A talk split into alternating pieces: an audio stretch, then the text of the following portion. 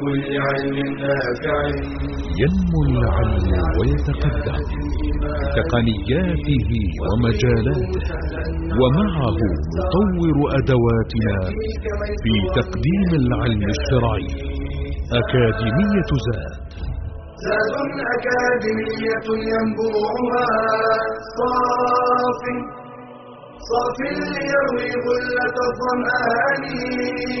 هذا كتاب الله روح قلوبنا. خير الدروس تعلم القرآن. بشرى لنا ذات أكاديمية. للعلم كالأزهار في البستان. الله لا إله إلا هو الحي القيوم. لا تأخذه سنة ولا نوم. له ما في السماوات وما في الأرض. من ذا الذي يشفع عنده إلا بإذنه. يعلم ما بين أيديهم وما خلفهم ولا يحيطون بشيء من علمه إلا بما شاء.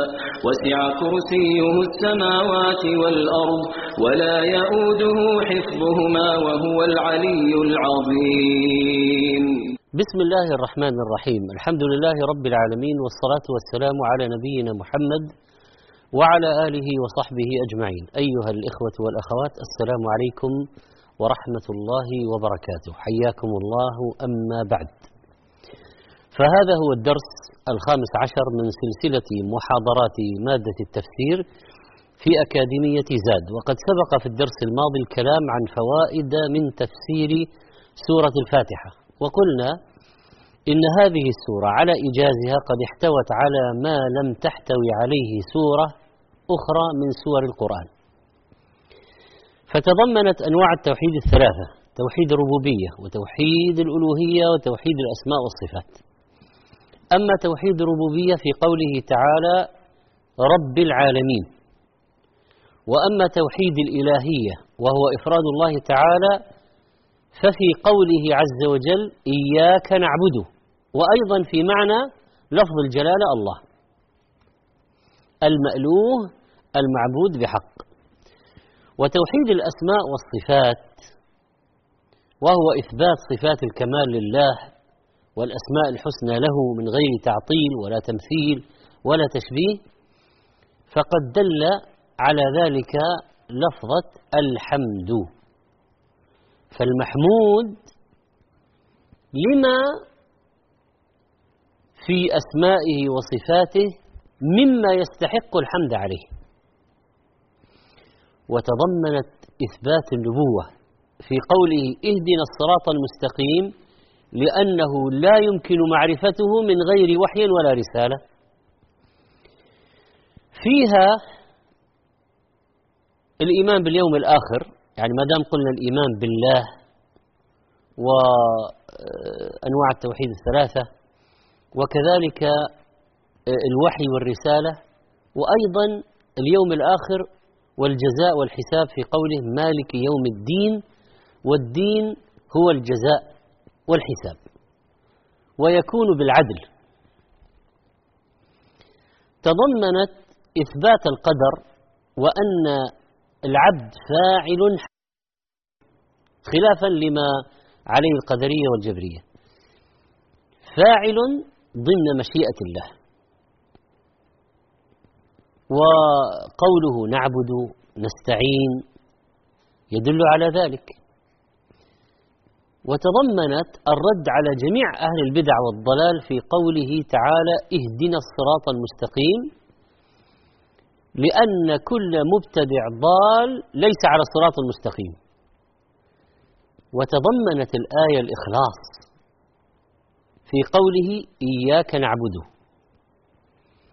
وأنه لا يمكن أن يعبد بدون إعانة منه. إياك نعبد وإياك نستعين. لخصنا عددا من الفوائد في كل آية من هذه السورة العظيمة وننتقل بعد هذا إلى تفسير آية الكرسي. من أعظم سورة إلى أعظم آية. تفسير آية الكرسي. فضلها وفضل العمل بها. آية الكرسي هي أعظم آية في كتاب الله تعالى كما دل عليه حديث أبي بن كعب رضي الله عنه لما سأله النبي صلى الله عليه وسلم يا أبا المنذر أتدري أي آية من كتاب الله معك أعظم؟ فقال الله لا إله إلا هو الحي القيوم. فضرب في صدره وقال والله ليهنك العلم أبا المنذر رواه مسلم. المعلم يثني على المتعلم وأنه أصاب الحق في السؤال والاختبار الذي اختبره به. كما جاء في قصة أبي بن كعب رضي الله عنه أنه سأل الشيطان الذي كان يسرق من تمره فما الذي يجيرنا منكم؟ قال هذه الآية آية الكرسي. ثم غدا أبي إلى النبي صلى الله عليه وسلم فأخبره فقال النبي صلى الله عليه وسلم صدق الخبيث. والحديث هذا رواه النسائي في الكبرى وابن حبان. وهو أحد الروايات التي فيها رؤية بعض الصحابة للجن. وإذا قرأت آية الكرسي قبل النوم فلا يزال على صاحبها من الله حافظ ولا يقرب شيطان حتى يصبح. كما جاء في قصة أبي هريرة المشهورة في الصحيح. عندما كان يأتيه الشيطان ويحث الطعام ثم قال له دعني أعلمك كلمات ينفعك الله بها. قال أبو هريرة ما هو؟ قال إذا أويت إلى فراشك فاقرأ آية الكرسي. الله لا إله إلا هو الحي القيوم.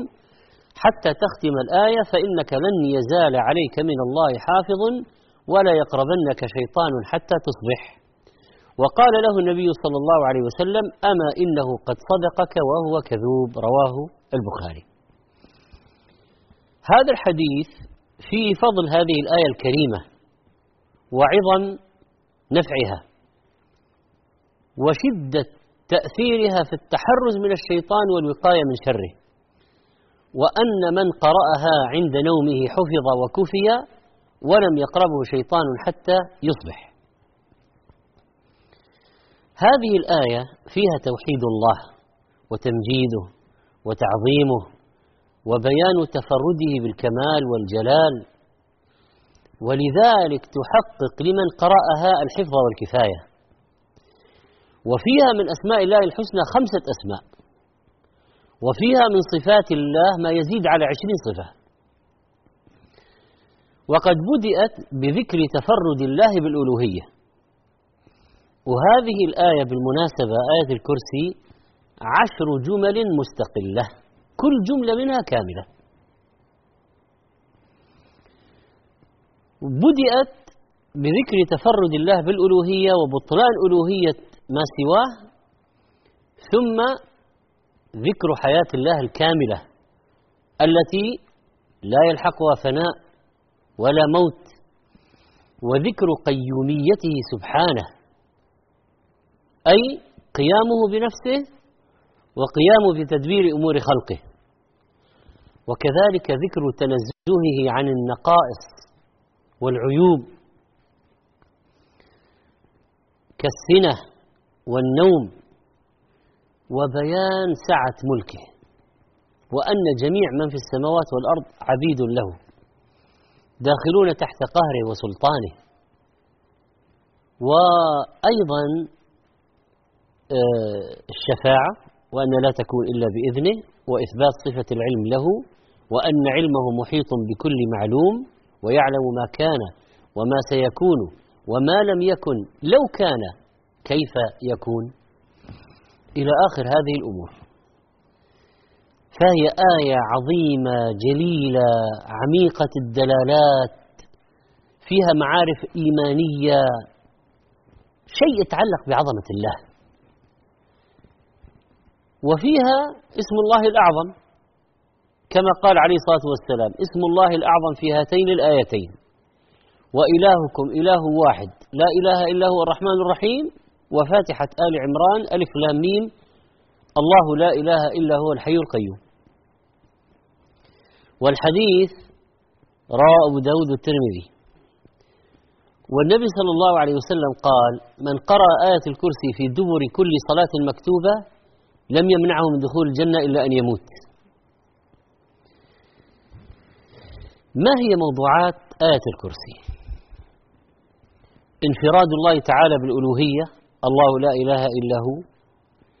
إبطال طرق المشركين الذين أشركوا بالله وجعلوا معه آلهة. ومن أهم فوائدها الرد على القدرية الغلاة والرد على الخوارج والمعتزلة في الشفاعة في مسألة الشفاعة لأنهم ينكرونها. فالآية فيها إثبات الشفاعة. وأولئك الخوارج المعتزلة ينكرون الشفاعة في أهل الكبائر. وفي الآية إثبات علو الله تعالى عز وجل وسنأتي بمشيئة الله على تفسيرها وفوائدها. نسأل الله عز وجل أن يجعلنا ممن يعظمه ويعبده. عودة إليكم عودة إليكم بعد قليل إن شاء الله.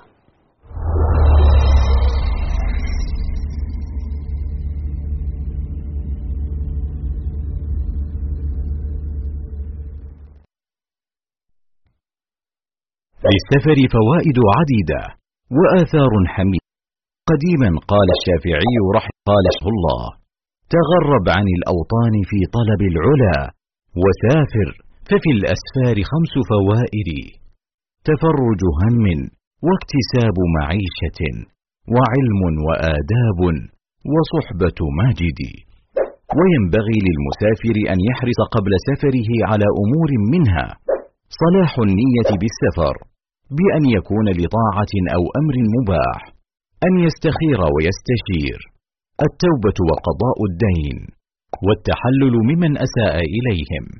ألا ينسى نفقة أهله أن يختار الرفقة الصالحة في السفر أن يودع أهله وجيرانه وأصدقاءه ويستحب السفر يوم الخميس إن تيسر له.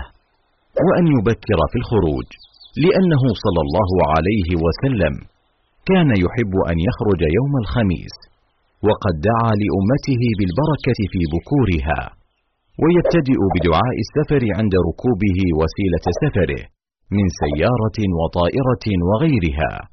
فعن ابن عمر رضي الله عنهما أن رسول الله صلى الله عليه وسلم كان إذا استوى على بعيره خارجا إلى سفر كبر ثلاثة ثم قال سبحان الذي سخر لنا هذا وما كنا له مقرنين وإنا إلى ربنا لمنقلبون.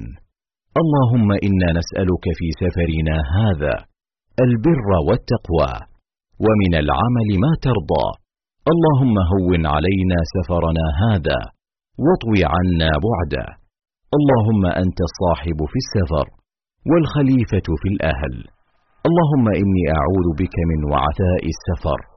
وكآبة المنظر وسوء المنقلب في المال والأهل كما يستحب له السرى وهو سير المسافر آخر الليل لقوله عليه الصلاة والسلام عليكم بالدلجة فإن الأرض تطوى بالليل وينبغي أن يكون الذكر صاحبا له وانيسا والدعاء قرينا له وسميرا فهو مظنة الإجابة. وإذا أشرف على قرية أو بلدة دعا قائلا اللهم إني أسألك خيرها وخير أهلها وخير ما فيها وأعوذ بك من شرها وشر أهلها وشر ما فيها وإن نزل منزلا دعا وقال أعوذ بكلمات الله التامات من شر ما خلق فإنه لا يضره شيء حتى يرتحل من منزله ذلك. وينبغي للمسافر أن يحرص على الأذان والإقامة والإتيان برخص السفر كقصر الصلاة الرباعية ركعتين وكذا الجمع إذا كان سائرا. فإن كان نازلا في مكان فالأفضل الصلاة على وقتها قصرا ويجوز له الجمع ويستحب له ألا يطيل في السفر وأن يعجل إلى أهله إذا قضى حاجته.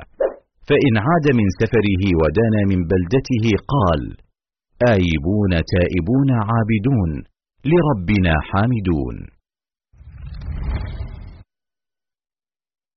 رياض الأصالة زاد المنى تضيء الليالي وتمحو الدجى تفوح بطيب الكتاب المبين على نسمات الهدى والصفاء على نسمات الهدى والصفاء سبيل الرشاد بشير العباد رحيق الشهاد وقطر الندى.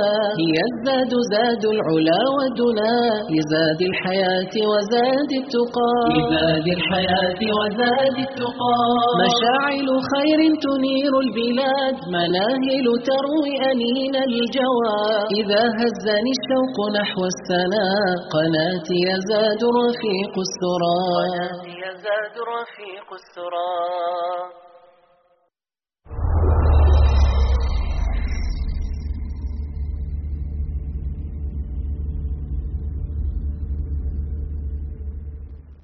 الحمد لله حياكم الله أيها الإخوة والأخوات. قلنا آية الكرسي عشر جمل مستقلة جمعت أصولا عظيمة في الأسماء والصفات من الإلهية وحياة الله وقيوميته وعلمه وملكه وقدرته وإرادته وإحاطته وحفظه وكذلك علوه وعظمته. ولذلك كانت أعظم آية في كتاب الله حقيقة. وقراءتها وتدبرها أعظم في الأجر مما سواها من الآيات. ولذلك تقرأ أدبار الصلوات وتقرأ قبل النوم يعني تقرأ يوميا. الله هذا بدء الآية بالاسم الذي هو الاسم الأعظم على الراجح. ومعناه المألوه المعبود المحبوب المعظم ولا يستحق هذا الاسم غير الله. لا إله إلا هو يعني لا معبود بحق إلا هو. الحي ذو الحياة الكاملة لم يزل ولا يزال حيا لم يسبق حياته موت ولا عدم ولا يلحقها موت ولا فناء. فهو الأول والآخر سبحانه وتعالى. القيوم القائم بذاته لا يحتاج إلى أحد والقائم على غيره يحتاج إليه كل أحد. يقوم بأمور السماوات والأرض ومن فيهن. وهو القائم على كل شيء. والحي القيوم اسمان من أسمائه تعالى جامعان لكمال الأوصاف والأفعال. فكمال الأوصاف في الحي.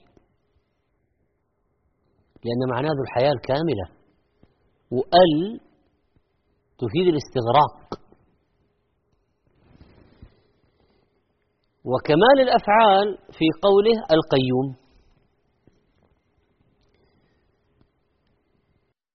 وكمال حياته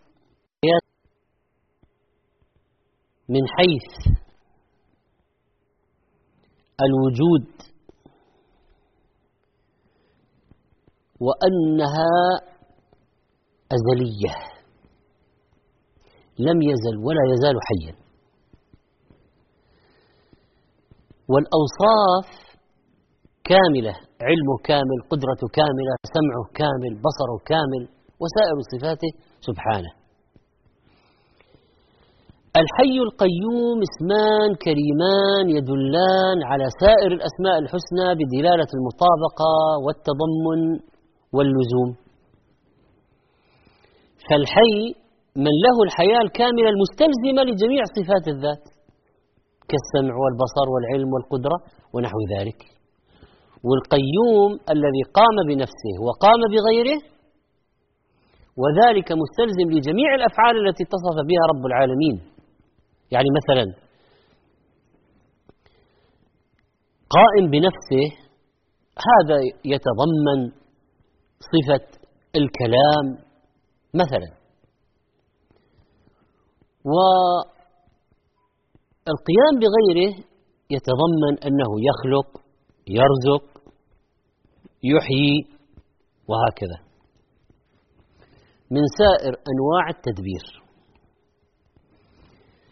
ولذلك قال بعض المحققين إن الحي القيوم هو اسم الله الذي إذا دعي به أجاب وإذا سئل به أعطى. الله لا إله إلا هو الحي القيوم. من تمام حياته وقيوميته أنه لا تأخذه سنة ولا نوم. لا تأخذه لا تعتريه سنة نعاس وهو مقدمة النوم. والنوم وهو الموت الصغرى نقص لا يليق بالله في حق الله لأن النائم يغيب عما حوله ولا يغيب عن الله شيء. والنوم غفلة والله لا يغفل عن شيء سبحانه. وقد قال النبي صلى الله عليه وسلم إن الله عز وجل لا ينام ولا ينبغي له أن ينام. رواه مسلم. ولا تأخذه سنة السنة النعاس. الإنسان لو كان يرعى شيئا فنعس قد يفسد ينكسر يتحطم يسرق. الله لا تأخذه سنة ولا نوم.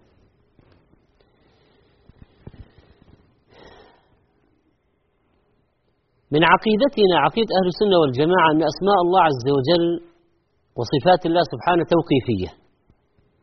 يعني لا نستطيع أن نتوصل إليها إلا بالوحي. ولا نثبت لله من الأسماء والصفات إلا ما دل الكتاب والسنة على ثبوته. فنثبت لله ما أثبته لنفسه وما أثبته له نبيه صلى الله عليه وسلم ونجري نصوص الصفات على ظاهرها فنثبت الصفات من غير تشبيه ولا تمثيل ولا تكييف ولا تعطيل. كما قال الله ليس كمثله شيء وهو السميع البصير. فجمع الله بين نفي المثال أو التمثيل وإثبات أنه سميع بصير. وفي هذا إشارة واضحة إلى أنه لا يجوز للخلق أن ينفوا عن الله سمعه وبصره بدعوى مشابهة المخلوقين في أسماعهم وأبصارهم فإن سمع الله وبصر الله يليقان بجلاله وكماله. وأسماع أسماع المخلوقين وأبصار المخلوقين تناسب حالهم وفناءهم وضعفهم وكبرهم ولذلك لا تشابه بين صفات الله وصفات المخلوقين. وإذا أثبت لله السمع والبصر كما يليق بجلاله وعظمته فتثبت له كل الصفات الوجه الكف المجيء الاستواء وهكذا. ولذلك نتعلم من آية الكرسي أنه يجب الوقوف على ما جاء في الكتاب والسنة بشأن الله تعالى لا نزيد ولا ننقص. ونعلم بأن العقل لا يمكن أن يحيط بالله ولا أن يعرف أسماءه وصفاته دون خبر منه. قال تعالى ولا تقف ما ليس لك به علم. إن السمع والبصر والفؤاد كل أولئك كان عنه مسؤولا. ولذلك عندما يخبرنا بأنه عالم الغيب والشهادة الرحمن الرحيم الملك القدوس السلام المؤمن المهيمن العزيز الجبار المتكبر. فإننا نؤمن بذلك. هذه أسماؤه. من الذي يحق أن يسميه؟ هو يسمي نفسه. لسنا نحن نخترع له أسماء. ولا نستطيع أن نستنتجها بدون خبر منه. وحي. ونثبت له من الصفات الحياة والعلم والسمع والبصر والمغفرة والقدرة والعزة والقوة والرحمة والرضا والمحبة والغضب والكلام والمشيئة والإرادة والبطش. يعني صفات ذات الوجه العينان اليدان. وصفات الأفعال النزول المجيء الاستواء. وننفي عنه ما نفاه عن نفسه. نفي الموت نفي النوم نفي السنة نفي النسيان نفي العجز نفي التعب وما مسنا من لغوب نفي الظلم نفي الغفلة نفي المثيل والكفر والشبيه. ما نفاه عن نفسه ننفيه عنه سبحانه. ومن القواعد أننا إذا نفينا عنه ما نفاه عن نفسه فإننا نثبت له كمال الضد. يعني ليس مجرد نفي مجرد النفي ليس بكمال إلا أن يتضمن ما يدل على الكمال. النفي عدم والعدم ليس بشيء. لكن في المقابل نثبت حياته. ننفي الموت نثبت الحياة. ننفي السنة والغفلة نثبت القيومية. ننفي الظلم نثبت العدل. وهكذا. وقوله سبحانه له ما في السماوات وما في الأرض ملكا وخلقا يتصرف فيه كما يشاء. فالجميع عبيده وكل شيء تحت ملكه وقهره وسلطانه. إن كل من في السماوات والأرض إلا آتي الرحمن عبدا لقد أحصاهم وعدهم عدا وكلهم آتيه يوم القيامة فردا. نسأل الله أن يجعلنا ممن يقدره قدره. وأن لا نكون ممن قال فيهم وما قدر الله حق قدره. نعود إليكم بعد قليل إن شاء الله.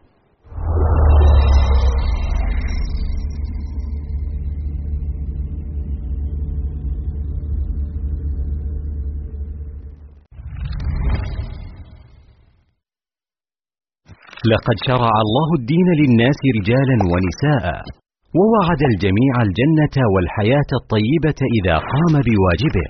فقال تعالى من عمل صالحا من ذكر أو أنثى وهو مؤمن فلنحيينه حياة طيبة ولنجزينهم أجرهم بأحسن ما كانوا يعملون. وقد جاء الإسلام فأكرم المرأة وحملها مع الرجل مسؤولية النهوض بالمجتمع وحسن الرعاية له. فقال عليه الصلاة والسلام كلكم راع وكلكم مسؤول عن رعيته. وقد شغلت المرأة في العهد النبوي وما بعده مكانا رفيعا بمشاركاتها العلمية والاجتماعية والتربوية. وتصدر اسمها في قائمة المساهمين في بناء المجتمع. وصياغة هوية الأمة والمحافظة على ثوابت الدين. ولا زال التاريخ يذكر أم المؤمنين خديجة وأم المؤمنين عائشة ونسيبة بنت كعب وأم حرام بنت ملحان وحفصة بنت سيرين وفاطمة بنت عبد الملك وزبيدة بنت جعفر وغيرهن رضي الله عنهن ورحمهن. ومن هنا كان للمرأة المسلمة دورها المهم والخطير في صياغة المجتمع مما أكسبها قيمة واعتبارا واحتراما لا مثيل له في المجتمعات الأخرى كما اعترف بذلك المنصفون من الغربيين وبأنهم إنما تعلموا احترام المرأة من مسلمي الأندلس. يقول المفكر الفرنسي مارسيل بوزارد إن الشعراء من المسلمين هم الذين علموا مسيحي أوروبا عبر أسبان احترام المرأة.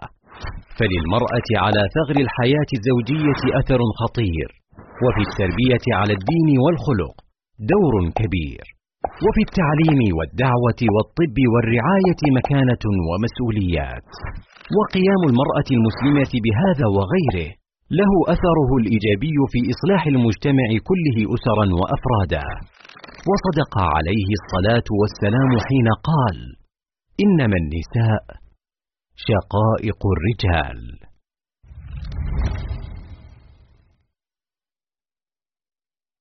إذا أحببت أن تتعرف على دينك أكثر أن تزداد علما وتنهل خيرا أن تسمع وترى ما يقربك من ربك ويحببك في نبيك وتزكو به نفسك في قناة زاد تجد ذلك وأكثر. تصفح وتجول في واحة إيمانية من مقاطع مميزة من إنتاج مجموعة زاد. تتنوع بين المادة العلمية والرقائق الإيمانية والفواصل الدعوية المحترفة إعلامية والمؤصلة منهجية. تخاطب الرجال والنساء الكبار والصغار تدعو البعيد وتؤنس القريب. مقاطع motion graphic مميزة دورات علمية متخصصة فواصل درامية شيقة لقاءات دعوية ممتعة برامج تلفزيونية وندوات شرعية. شاهد شارك انشر. إذا كنتم ثلاثة فلا يتناجى اثنان دون صاحبهما فإن ذلك يحزنه. أدب يعلمنا إياه نبينا صلى الله عليه وسلم. من خلال النهي عن التناجي وهو أن يستأثر اثنان بالحديث سرا دون الثالث أو ثلاثة دون الرابع أو أربعة دون الخامس. وهكذا فإن هذا لون من إلحاق الأذى بالمسلم لأنه يعود عليه بالحزن والخوف. وربما ظن أن ذلك لاحتقاره والحط من كرامته فيزيده ذلك غما وحزنا. لذا حرم الإسلام التناجي كما قال تعالى ألم تر إلى الذين نهوا عن النجوى ثم يعودون لما نهوا عنه ويتناجون بالإثم والعدوان ومن صور التناجي المحرمة أن يتكلم اثنان بلغة مختلفة لا يفهمها الثالث أو أن يكتب أحدهما للآخر في ورقة والثالث جالس ولا يمكنه الاطلاع على ما كتب قال النووي رحمه الله وفي معناه أي ما إذا تحدث ما لسان لا يفهمه لأن العلة موجودة فإذا كان الحديث دائرا بين اثنين بداية ثم أتى ثالث وأراد أن يدخل بينهما فإن ذلك لا يجوز إلا بإذنهما. لقول النبي صلى الله عليه وسلم إذا كان اثنان يتناجيان فلا تدخل بينهما. واعلم أنه إن دعت الضرورة إلى التناجي فإنه يكون مباحا بشرطين. الأول أن تكون هناك مصلحة راجحة على مفسدة التناجي الثاني أن يكون ذلك بإذن الشخص الثالث ورضاه وإلا حرم. فالتناجي من تسويل الشيطان وتزيينه.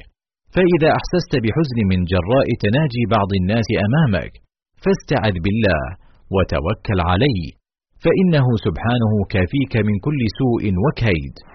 قال تعالى إنما النجوى من الشيطان ليحزن الذين آمنوا وليس بضارهم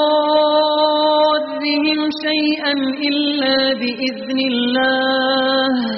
وعلى الله فليتوكل المؤمنون. الإسلام سؤال وجواب. موقع إلكتروني ومحرك بحثي يقدم الفتاوى والإجابات الشرعية الاستشارات التربوية والاجتماعية.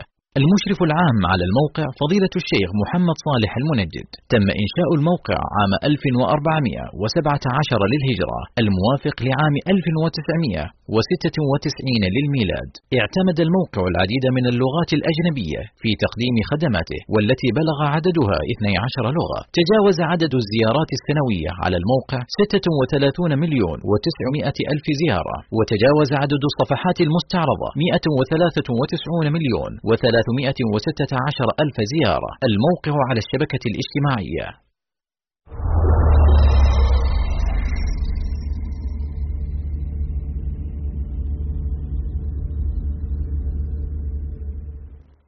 الحمد لله حياكم الله مرة أخرى أيها الإخوة والأخوات. نحن الآن في تفسير آية الكرسي في قوله تعالى الله لا إله إلا هو الحي القيوم. القيوم ما هي قيوميته؟ سبحانه. صفة القيومية ومن أسمائه القيوم كامل القيومية له معنيان. المعنى الأول الذي قام بنفسه واستغنى عن جميع مخلوقاته. الثاني الذي قامت به السماوات والأرض وما فيهما من المخلوقات. لأنه الذي أوجدها وأمدها وأعدها وهيأ لها وسخر لها تفتقر إليه من كل وجه في ايجادها مفتقرة في حياتها مفتقرة في رزقها مفتقرة في النعم التي تأتيها مفتقرة في علمها تعلمها مفتقرة. وهكذا. قال قتادة القيوم القائم على خلقه بآجالهم وأعمالهم وأرزاقهم. كان النبي صلى الله عليه وسلم إذا قام إلى الصلاة في جوف الليل قال اللهم لك الحمد أنت نور السماوات والأرض ولك الحمد أنت قيام وفي رواية قيم السماوات والأرض ولك الحمد أنت رب السماوات والأرض وما فيه الحديث رواه البخاري ومسلم. فالله عز وجل قائم دائم بلا زوال. قام بنفسه ما احتاج إلى أحد. قام كل شيء به. فكل ما سواه محتاج إليه. هذا ومن أوصافه القيوم والقيوم في أوصافه أمران. إحداهما القيوم قام بنفسه والكون قام به هما الأمران. فالأول استغناؤه عن غيره. والفقر من كل إليه الثاني والوصف بالقيوم ذو شأن كذا موصوفه أيضا عظيم الشان. سبحان الله لو يدرك الملاحدة هذا المعنى يعني من أوجدهم؟ من جعل لهم السمع والأبصار والأفئدة؟ من يرزقهم؟ ومن يقبض أرواحهم ويميتهم الحي القيوم اسمان يتضمنان صفات الكمال. وذكر القيم رحمه الله أن عليهما مدار الأسماء الحسنى كلها. وترجع معانيها إليهما الحي القيوم. لأن الحياة مستلزمة لجميع صفات الكمال. ولا يتخلف عنها صفة منها إلا لضعف الحياة. والله منزع عن ذلك. له الحياة الكاملة. الحي. الحياة الكاملة. فإذا كانت حياته تعالى أكمل حياة استلزم إثبات كل صفات الكمال له لكمال حياته. والقيوم متضمن كمال غناه وكمال قدرته. وهو المقيم لغيره فلا قيام لغيره إلا به. وبإقامته لهذا الغير. ولذلك سؤال الله بالله الحي القيوم. هذه يرجى أن يكون فيها إصابة الاسم الأعظم. وقد جاء في الحديث اسم الله الأعظم في ثلاث سور من القرآن في سورة البقرة وآل عمران وطه. قال القاسم فالتمستها الحي القيوم. والحديث عند ابن ماجه والحاكم. وقال ابن القيم رحمه الله قال لي يوما يعني شيخه ابن تيمية لهذين الاسمين وهما الحي القيوم تأثير عظيم في حياة القلب وكان يشير إليه بأنهما الاسم الأعظم. فالله تعالى بقيوميته يدبر أمور خلقه. قال تعالى ومن يدبر الأمر فسيقولون الله. فقل أفلا تتقون؟ يدبر أمر العالم العلوي والسفلي في السماوات والأرض ويخلق ويرزق ويغني ويفقر ويعز ويذل ويخفض ويرفع يقيل العثرات يفرج الكربات ينفذ أقداره يرسل ملائكته. يحصي أعمال العباد ويسجلها عليهم ليحاسبهم بها. إذا رجعوا إليه. قال تعالى أفمن هو قائم على كل نفس بما كسبت؟ إذا من معاني القيومية أنه حفيظ عليم رقيب على كل نفس منفوسة. يعلم ما يعملون من خير أو شر لا تخفى عليه خافية. كما قال سبحانه وما تكون في شأن وما تتلو منه من قرآن ولا تعملون من عمل إلا كنا عليكم شهودا إذ تفيضون فيه. فمن عرف الله بقيوميته وأنه قائم على كل نفس مما كسبت خاف واتقاه وعمل حسابا لذلك اليوم. قال سبحانه وأما من خاف مقام ربه ونهى النفس عن الهوى فإن الجنة هي المأوى. والله تعالى بقيوميته يحفظ عباده ويكلأهم كما قال له معقبات من بين يديه ومن خلفه يحفظونه من أمر الله. يعني انظروا أيها الإخوة والأخوات الارتباط الارتباط بين الأسماء والأفعال المذكورة في الآيات والأحاديث. هذا فقه. معرفة الارتباطات وهذا يؤدي إلى هذا وهذا يتضمن هذا هذا فقه مهم. إدراك مهم. علم. إذا ما هي العلاقة بين القيوم وبين له معقبات بين يديه ومن خلف يحفظونه. واضحة. قال ابن عباس ملائكة يحفظونه من بين يديه ومن خلفه فإذا جاء قدره خلوا عنه. والله تعالى بقيوم بقيوميته يرعى الجنين في بطن أمه.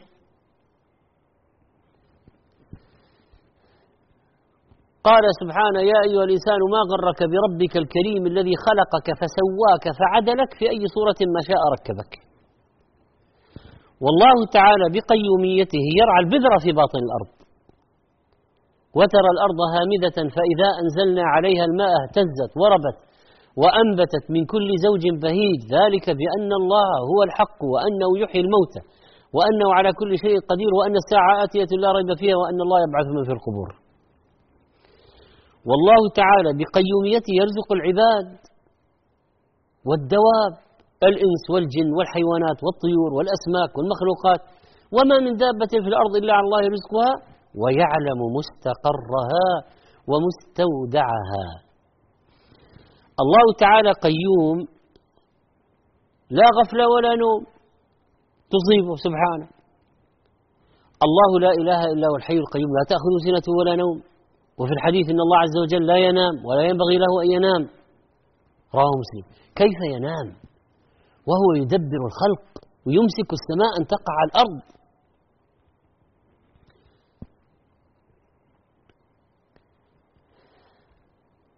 العالم يسير بنظام. لو كان فيه مآلهة إلا الله لفسدتا وضربت الأشياء في بعض. وما استوت حركة كوكب. ولا انتظم ليل ولا نهار. ولا قوانين الطبيعة التي خلقها الله هذه. سبحانه. كل هذا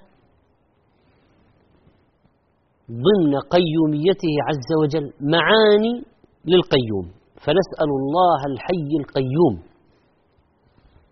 برحمته أن يصلح شأننا كله وأن ييسر أمورنا وأن يرزقنا تدبر كتابه والعمل به.